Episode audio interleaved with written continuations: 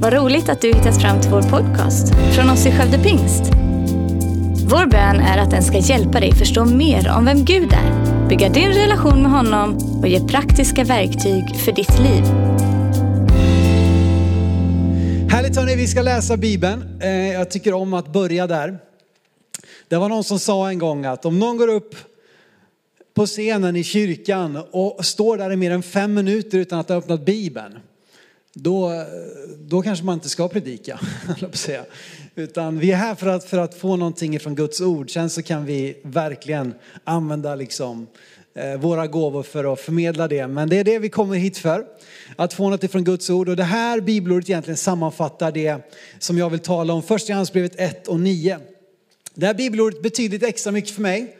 Det är för att jag läste det här bibelordet eh, när jag blev döpt eh, 1997. Wow, det känns ju häftigt ändå. Eh, du, du sitter närmast nu Ellen, så jag blir liksom eh, lockad att reta dig så här. Hur gammal var du då egentligen? Men det var inte så gammal. Ja, ett år gammal. Så det var för tidigt. Vi har inte barndop och så här, utan vi har troendedop. Jag var, jag var ett barn var jag, men det var min egen tro. Det var väldigt tydligt. Och inför att jag skulle döpa mig som nioåring, man kan ju tycka det, är inte det tidigt? Är inte det barndop liksom att döpas som man är nio år? Eh, men vi talar ju om troendedop, varken vuxendop eller barndop, utan troendedop. Och för mig var det så tydligt att, att, att Gud hade lagt en tro i mitt hjärta. Jag hade tänkt, jag hade planerat att döpa mig när jag var tio år. Eh, men när det var ungefär fyra månader kvar, då kände jag, jag kan inte vänta längre. Det går inte. Så jag gick till min pastor Kjell Olsson och sa att eh, jag vill bli döpt så snart som möjligt. Och de där veckorna från det beslutet till dess att jag blev döpt, så hade jag en sån, det vi brukar kalla för syndanöd. Det är ett ord, uttryck vi inte använder så mycket, men jag tror det, det ligger mycket i det. Alltså en syndanöd, alltså en, en förståelse och en, en nöd, en smärta i mitt hjärta för liksom det, som, det som jag hade gjort som var fel, som inte behagade Gud. Det kan man tycka, men är vi inte förlåtna och har vi lever inte i nåden? Ja, absolut. Men vi behöver också förstå allvaret i synden för att förstå hur stor Guds kärlek är till oss, Jesu kärlek till oss. Och de där veckorna, jag hade en sån syndanöd. Jag blev påmind, man kan nio år, man har inte gjort något som är fel. Jag har en treåring, jag vet redan nu att han har gjort en del som är fel. Men, men det var så tydligt för mig. Ehm, och, eh, och då var det så när jag skulle bli döpt i alla fall, att jag fick läsa bibelord. Och läste det här bibelordet. Första Johannesbrev 1 och 9. Om vi bekänner våra synder är han trofast och rättfärdig så att han förlåter oss våra synder och renar oss från all orättfärdighet. Om vi bekänner våra synder. Det finns en otrolig kraft i bekännelse och det är det jag ska prata om idag. Kraften i bekännelse. Ehm, och eh, ja, jag insåg för egen del att, att jag predikade, liksom hade en, en hel predikan om bekännelse, vet jag i alla fall, 2012. Jag insåg att det kanske är dags igen. Så att jag, eh, och det är inte så att det här inte har kommit med, men just att bara lyfta eh, liksom begreppet bekännelse och vad det är. Jag vet inte om det är någon av er som har sett den här eh, senaste, det känns som det, fin- det finns ingen ände på hur mycket man kan dra ur den här storyn, men en dokumentärserie om O.J. Simpson, Made in America. Ehm, och eh, ja, om ni inte vet vem han var, han var ju en, en otroligt känd amerikansk fotbollsspelare, mediepersonlighet i USA som mördade sin, sin fru och hennes vän eller pojkvän, det är lite oklart. Men som sen i stort sett blev fria då. Det, det är en otrolig, alltså det, det är en makaber story, en absurd story. Men, men otroligt komplex och, och liksom det, det är en otroligt välgjord dokumentärserie, så den kan jag faktiskt rekommendera. Men det är ju sådär att det här med rättegångar i, i, eh, liksom, i tv-serier, i filmer, böcker, dokumentärer. Det är en, en väldigt populär genre.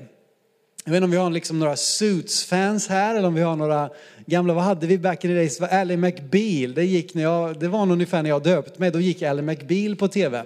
Man får följa en advokatfirma och jag vet inte om ni, har, om ni, om ni tycker det är spännande liksom att följa advokater, åklagare, rättsfall, liksom, hur ska det gå? Men grejen är så här att hela vår världs förståelse av bekännelse, alltså då av någonting som är fel, är ju att bekännelse leder till straff. Eller hur? visst, bekännelse kan leda till ett mildare straff, men det leder ändå till straff. Och därför är det många som gör till en stor sak, inte minst ibland då med, med liksom dyra advokater och så vidare, att så att säga förneka sin skuld för att gå fri från straffet, eller hur? Det är ju det som hela liksom rättegångs, alltså vi tackar Gud för att vi har liksom rätt domstolar och att, att vi har rättigheter för de som är dömda och anklagade. Men vi vet ju också att det väldigt ofta är så att människor som faktiskt är skyldiga inte erkänner det för att slippa undan straffet, eller hur? Det är det som hela konceptet bygger på. Och det som är så otroligt stor skillnad, det som gör att, att den kristna budskapet, nu talar vi om givande här nyss som är en sån där sak, men så ofta är det så att det som Jesus lär, det som Bibeln lär, det, det visar på en helt annan logik än vad den här världen lär. Vi talar om givande, vi tror att om du ger mer så får du mer tillbaka. Liksom det, det handlar om en sådd och en skörd. Det, det, sådd och skörd i och för sig, det är väl ett begrepp vi kan koppla med.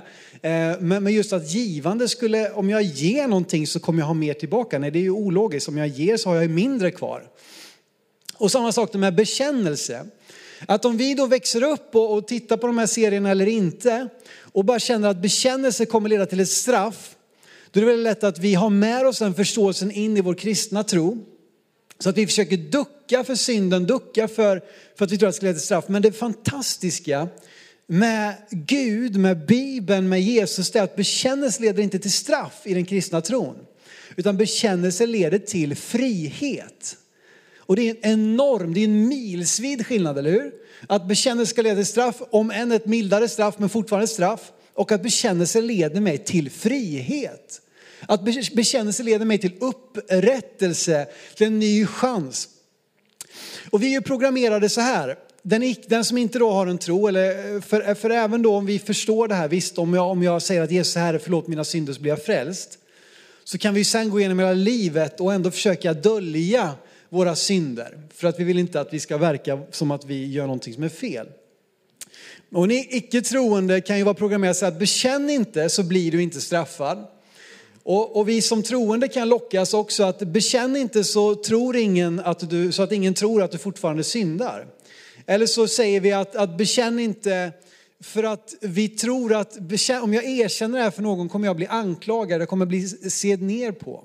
Vi kanske är rädda för vad blir konsekvensen av att jag säger detta? Att jag bekänner, att jag visar min sårbarhet, att jag brottas. Jag kanske är ledare, jag kanske är chef på min arbete, jag kanske är förälder, jag är, jag är make, jag är hustru, äh, alltså jag, jag är pappa, allt möjligt.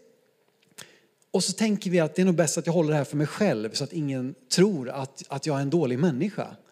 Ehm, jag vet inte om ni känner igen er, men jag känner igen mig ganska väl. Och det är så här att hela begreppet med bekännelse bygger på att det finns någonting att bekänna, att det finns någonting som har gått fel. I Bibeln beskrivs det som synd. Synd. Och eh, synd kan man säga, det är att missa målet. Att, att det som skiljer oss från Gud, det som kommer emellan mig och Gud, det är i Bibelns begreppsvärld synd. Och det kan vara olika för olika personer, vad som, vad som blir saker vi kämpar med, vad som blir saker som kommer emellan oss och Gud. Men det finns såklart saker som är fel oavsett vem vi är. Eh, saker som är synd då. Eh, och i mötet med synden kan vi reagera på tre olika sätt. Kanske fler, men i alla fall tre. Det första är att förneka dess existens. Det är ganska vanligt idag. Det finns ingen synd, jag behöver ingen förlåtelse. Det är ju en tanke, tanke liksom snurra som är väldigt så eh, präglar vårt, vår samtid. Nej, men det finns ingen synd, jag behöver ingen förlåtelse eh, och, och, kända filmer och så vidare. Återigen, det är otroligt, musik, film och sånt, det kan verkligen påverka oss och skapa för oss liksom våra tankebyggnader och våra värderingssystem. Så att därför kan det vara värt att fundera på vad vi tittar på. Men vi hade ju en superpoppis eh, film för ett antal år sedan, Så som i himlen, som ju dessutom utspelar sig i kyrkan med kristna körer. Och, och det blir ju, du vet, kristen publik, man bara sväljer det där rätt ner. Wow, de sjunger om Gud på film och pratar om Jesus. Och, vad det nu är för någonting. I det så finns det tillfällen där de brister ut nästan i frenesi. Det finns ingen synd, så det behövs ingen förlåtelse ungefär. Och det är ett sätt att hantera synden, att förneka den. Eller hur? Det vore jätteskönt. Det finns ingen synd så jag behöver ingen förlåtelse. Så jag behöver aldrig någonsin be om förlåtelse, jag behöver inte känna dåligt samvete för det finns ingen synd. Det här sättet är att skapa ett eget syndabegrepp. Ja visst finns synd i alla andras liv. Eller hur? Synd är verkligt men det är, det är mest de andra som håller på med det. Ett tredje sätt och det som ju är Bibelns väg är att bekänna synd inför Herren. Gud förlåt mig min synd. Vi ska läsa om i alla fall två av de här tankesätten i Lukas kapitel 18. Eh, ett sådant tillfälle där det här händer. Och eh, eh, som sagt, de två senare kan vi se i den här texten. Lukas 18, vers 10 och några verser framåt. Det står så här att två personer gick upp till templet för att be. Den ene var farisé och den andra tullindrivare. Farisén stod och bad för sig själv, Gud jag tackar dig för att jag inte är som andra människor. Roffare, brottslingar, äktenskapsbrytare eller som den där tullindrivaren. Jag minsann, jag fastar två gånger i veckan. Jag ger tionde av allt jag får in. Han var tvungen att tala om det för Gud som att inte Gud redan visste det. Det är ju intressant. Vi läser vidare vers 13. Men tullindrivaren så långt borta och vågade inte ens lyfta blicken mot himlen utan slog sig mot bröstet.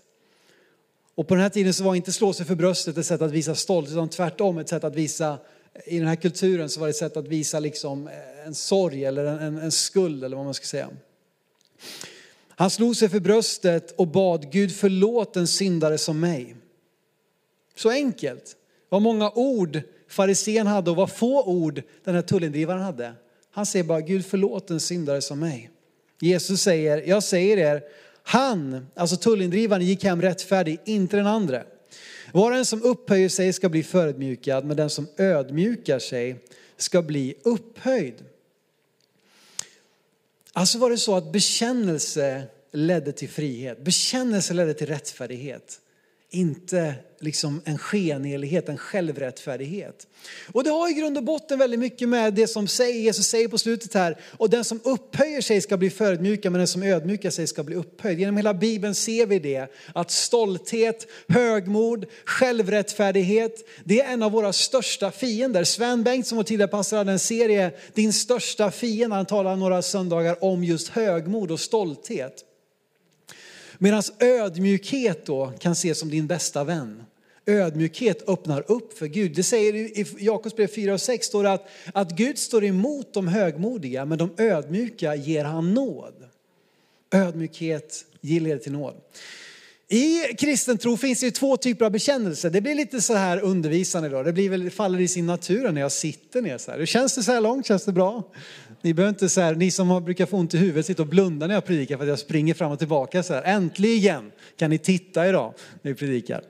Eh, två typer av bekännelse i Bibeln, eller i den kristna tron. Och det ena är en trosbekännelse.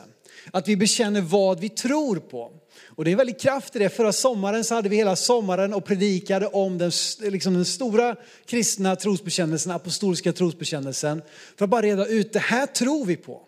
Det här bekänner vi ut eh, med vår egen mun och det är det vi gör varje gång någon blir döpt. Så får man bekänna ut med sin egen mun att jag tror på Jesus och jag bekänner honom som frälsare i mitt liv. Det är den första kristna bekännelsen är just detta, Jesus är Herre. Det är vad de sa, de som döptes på pingstdagen, Apostlagärningarna 2. De sa Jesus är Herre. Det var den första kristna bekännelsen. Och faktum är att Paulus lär oss i första Korinthierbrevet 3 och 2 att, att ingen kan säga Jesus är Herren, alltså Herren, inte bara en Herre, annat än i kraft av den helige Ande. Det är ganska starka ord. Ingen kan säga det. Man kan säkert skriva det, men att säga med sin egen mun, Jesus är Herre eller Jesus är Herren, säger Paulus, det kan ingen säga annat än i kraft av den Helige Ande. Det är ganska häftigt. Vilken bekännelse Alltså en positiv bekännelse. Det här tror jag på. Det här, det här, liksom, det här står jag för. Eller om, om vare sig det handlar om att liksom, tro på Jesus som Herre eller tro på, på tionde som en princip eller tro på, tro på bön. Alltså vi kan bekänna ut, det här tror vi på. Och så finns det naturligtvis synda bekännelse. Att förlåt mig min synd. Jag har syndat, jag har gjort fel, jag har missat målet. Och jag menar inte detta på ett sätt nu då som att vi ska gå och vara, vara rädda hela tiden. Så fort jag har syndat då, då är frälsningen borta och så måste jag få tillbaka den och så ska jag somna på kvällen och osäker. Tänk om jag syndar när jag drömmer och så vaknar jag och, och så har Jesus kommit. Alltså du vet, det finns en, det finns en över, övertoner kring det här med bekännelse som är osunt, som, som skapar osäkerhet i människors liv. Det är inte det jag talar om nu. Men eh, att, att, att jag syndar, jag tror inte det är så att vi hoppar in och ut ur vår frälsning. Däremot tror jag att det kan vara så att vi hoppar lite grann in och ut ur Guds närvaro. Eh, alltså in och ut ur det här förtroliga. Du vet att, säg, säg, gör som en skillnad då liksom att, att så här, eh, ja, nu tar jag min fru som ett exempel, men jag och min fru, vi kan ju sitta tillsammans i soffan eller vid köksbordet och samtala. Eh, och där har vi ju mycket större möjlighet att kommunicera, att lära känna varandra, att liksom förstå varandra, att förklara vad, vi har, vad, vad som har hänt, vad som ligger framför och vi skulle behöva det ännu mer. Inte minst är det svårt när man har små barn som, som vill äta upp all vaken tid och tycker att man ska prata med dem. Men ni förstår bilden. Är vi nära varandra, då kan vi prata med varandra.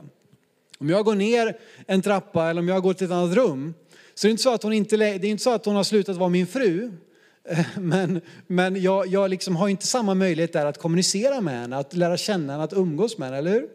Så jag tror jag lite grann med synden, att det är som att vi, återigen synden kommer mellan oss och Gud. Det är, det är som att vi, vi, vi för en stund kan tappa lite grann den här kommunikationen med Gud. Eh, och då är det så viktigt att hela tiden bara bekänna, Jesus förlåt mig. Han är aldrig längre bort. Vad läste vi i början? Om vi bekänner så är han trofast och rättfärdig. Bekännelse är en förutsättning rent av för Guds kraft och Guds närvaro i våra liv. Det står så här i Jakobs brev 5, otroligt stark eh, eh, text återigen om bekännelse. Alltså, vi talar om kraften i bekännelse. Och det här eh, bibelstället handlar verkligen om det. Vilken kraft som finns i bekännelse. Det här står i en kontext av att be trons bön, att be för de sjuka så att de ska bli botade. Och då står det så här, och vi, vi glömmer bort ibland just det här eh, liksom, delen av det här bibelordet. Jakobs brev 5, vers 15 till 16. Trons bön ska bota den sjuke. Och Herren ska resa upp honom. Och har han begått synder ska han få förlåtelse för dem. Bekänn därför era synder för varandra och be för varandra så att ni blir helade. Den rättfärdiges bön har stor kraft och verkan.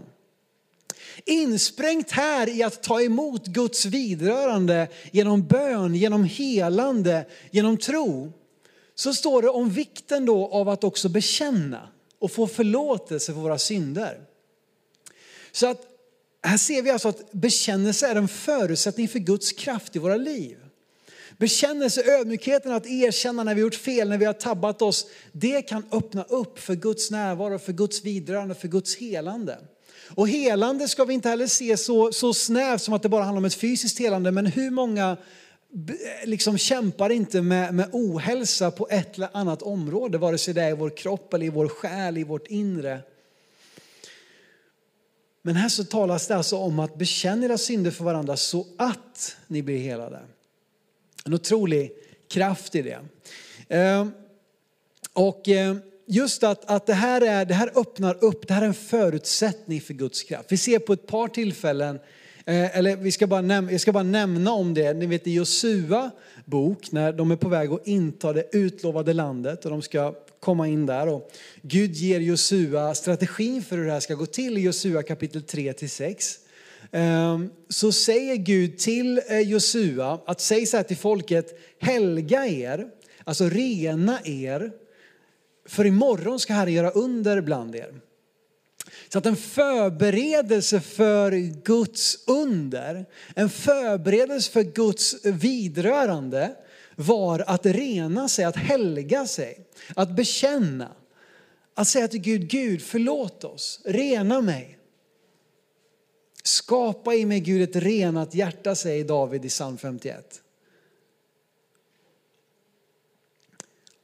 Du vet för att Gud kan inte ha kontakt med synden.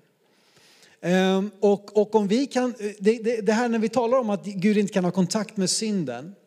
Det kan ju få oss att tycka att Gud är hemsk, att han är orättvis, att han är, att han är småsint. Liksom. Vad, vad är han för förståsigpåare och besserwisser som ska gå och säga att nej, du är, du är liksom, jag, jag vill inte ha med dig att göra.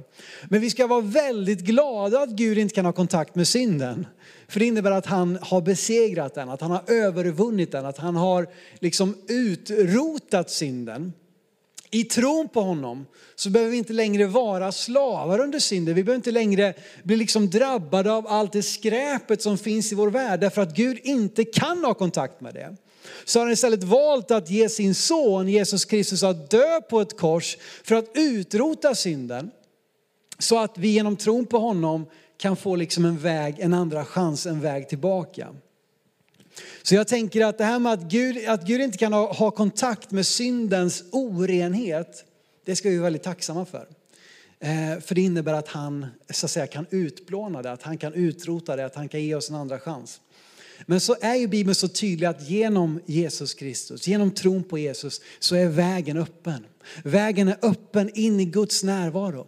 Vägen är öppen till ett, ett nytt liv, till frälsning, till, till helande, till upprättelse. Genom tron på Jesus Kristus. Så bekännelse öppnar upp för Guds närvaro. Bekännelse öppnar upp för Guds kraft i våra liv. Och återigen, du som har bekänt Jesus som Herre i ditt liv, du som har blivit döpt till en ny skapelse i Kristus. Gå inte härifrån och känn dig nedstämd att Simon sa att, att jag är skild ifrån Gud, att jag liksom, eh, att jag tappar. Nej, nej, nej. Återigen, du kan, jag tror att vi kan vara trygg i din frälsning. Men jag tror att det finns mer än att bara liksom veta genom livet att, att en dag kommer jag till himlen. Det finns ett liv här och nu, det finns en gemenskap med den helige ande. Det finns en, en, en närvaro med, med vår, liksom att lära känna vår himmelske far. Vi behöver inte ha ett distansförhållande till Gud. Vi behöver inte gå genom livet och veta att jag har en pappa på andra sidan jorden. Vi kan få leva, växa upp här, vare sig hur än din situation, hur din relation är med dina föräldrar. Så kan du få ha en upprättad, innerlig, närvarande relation med din far i himlen.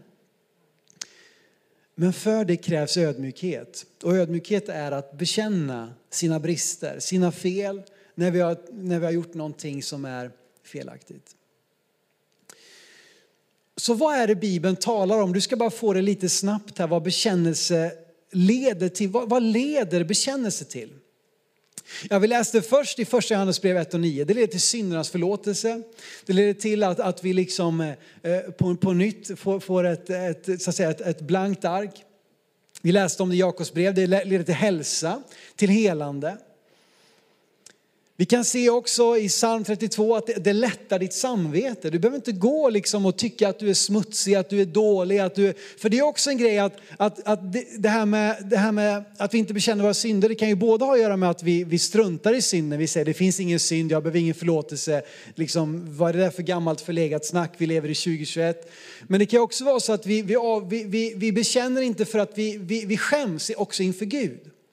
Vi parkerar längst bort på parkeringen för att vi ska straffa oss själva. Nu ska jag minsann gå långt här. Jag ska inte ta med mig något paraply när det regnar för att det kan jag gott ha, du vet. Vi ska på något sätt, vi ska på något sätt betala eh, priset för vår synd genom att, eh, genom att liksom slå på oss själva, genom att späka oss själva, genom att åh Gud, jag är en syndare och så går vi och så ska vi så att säga vara var, var, var dumma mot oss själva för att på något sätt visa Gud att vi förtjänar. Du kan inte förtjäna.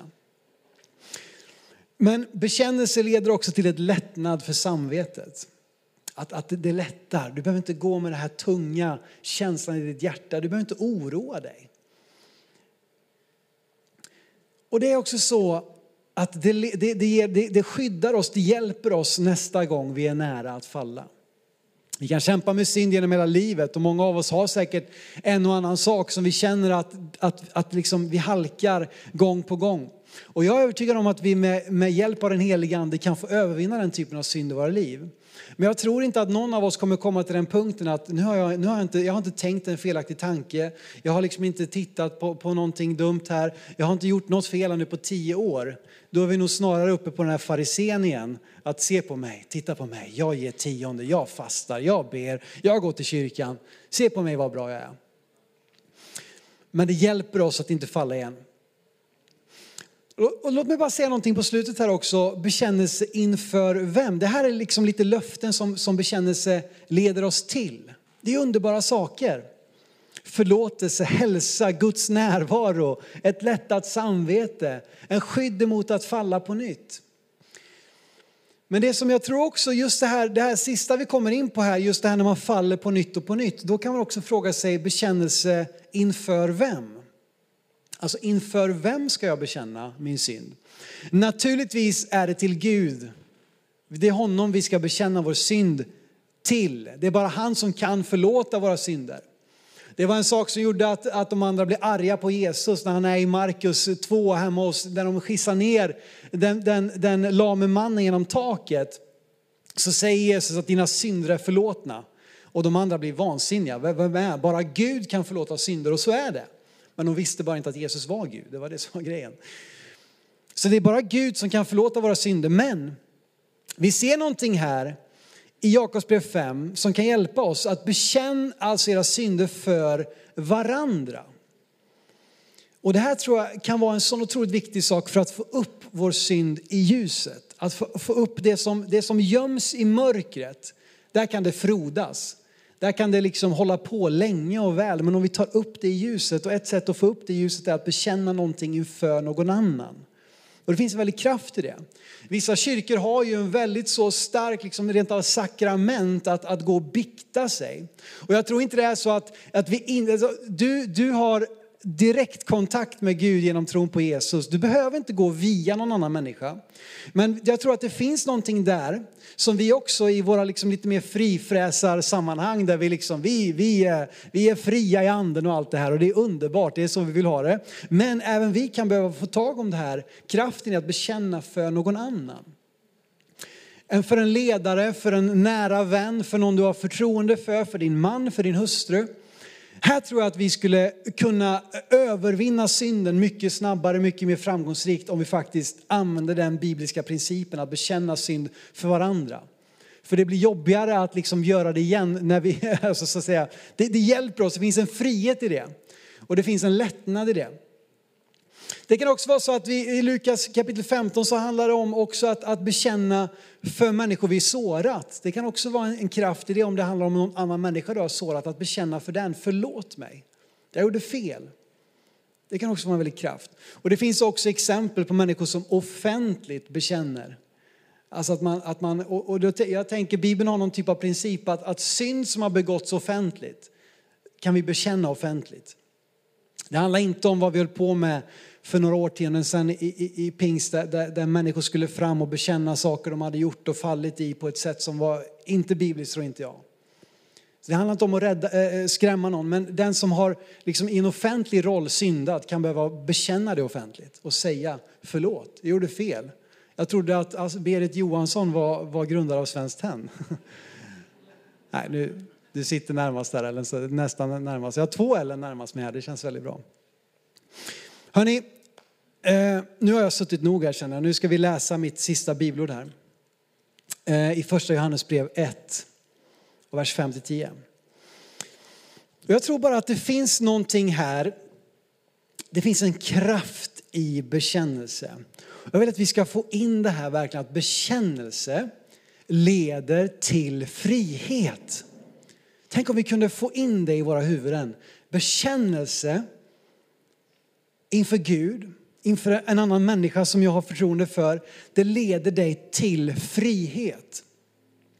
Och du vet att, att inte bekänna för att inte liksom, uh, tråka ut Gud. För det är också en grej liksom att vi kan slå på oss själva. Jag har, ba, jag har bett om förlåtelse för det här tio gånger, hundra gånger, femhundra gånger, jag vet inte vad. Och så tänker vi, jag ska inte, jag ska inte be, Gud måste ju vara trött på mig. Men grejen är, han vet ju redan vad du har gjort. Så att inte bekänna för att inte, inte tråka ut Gud, det är väldigt motsägelsefullt för han vet vad du har gjort redan innan, innan du gör det i stort sett. Så att det, det bara drabbar oss, men bekännelse leder till frihet.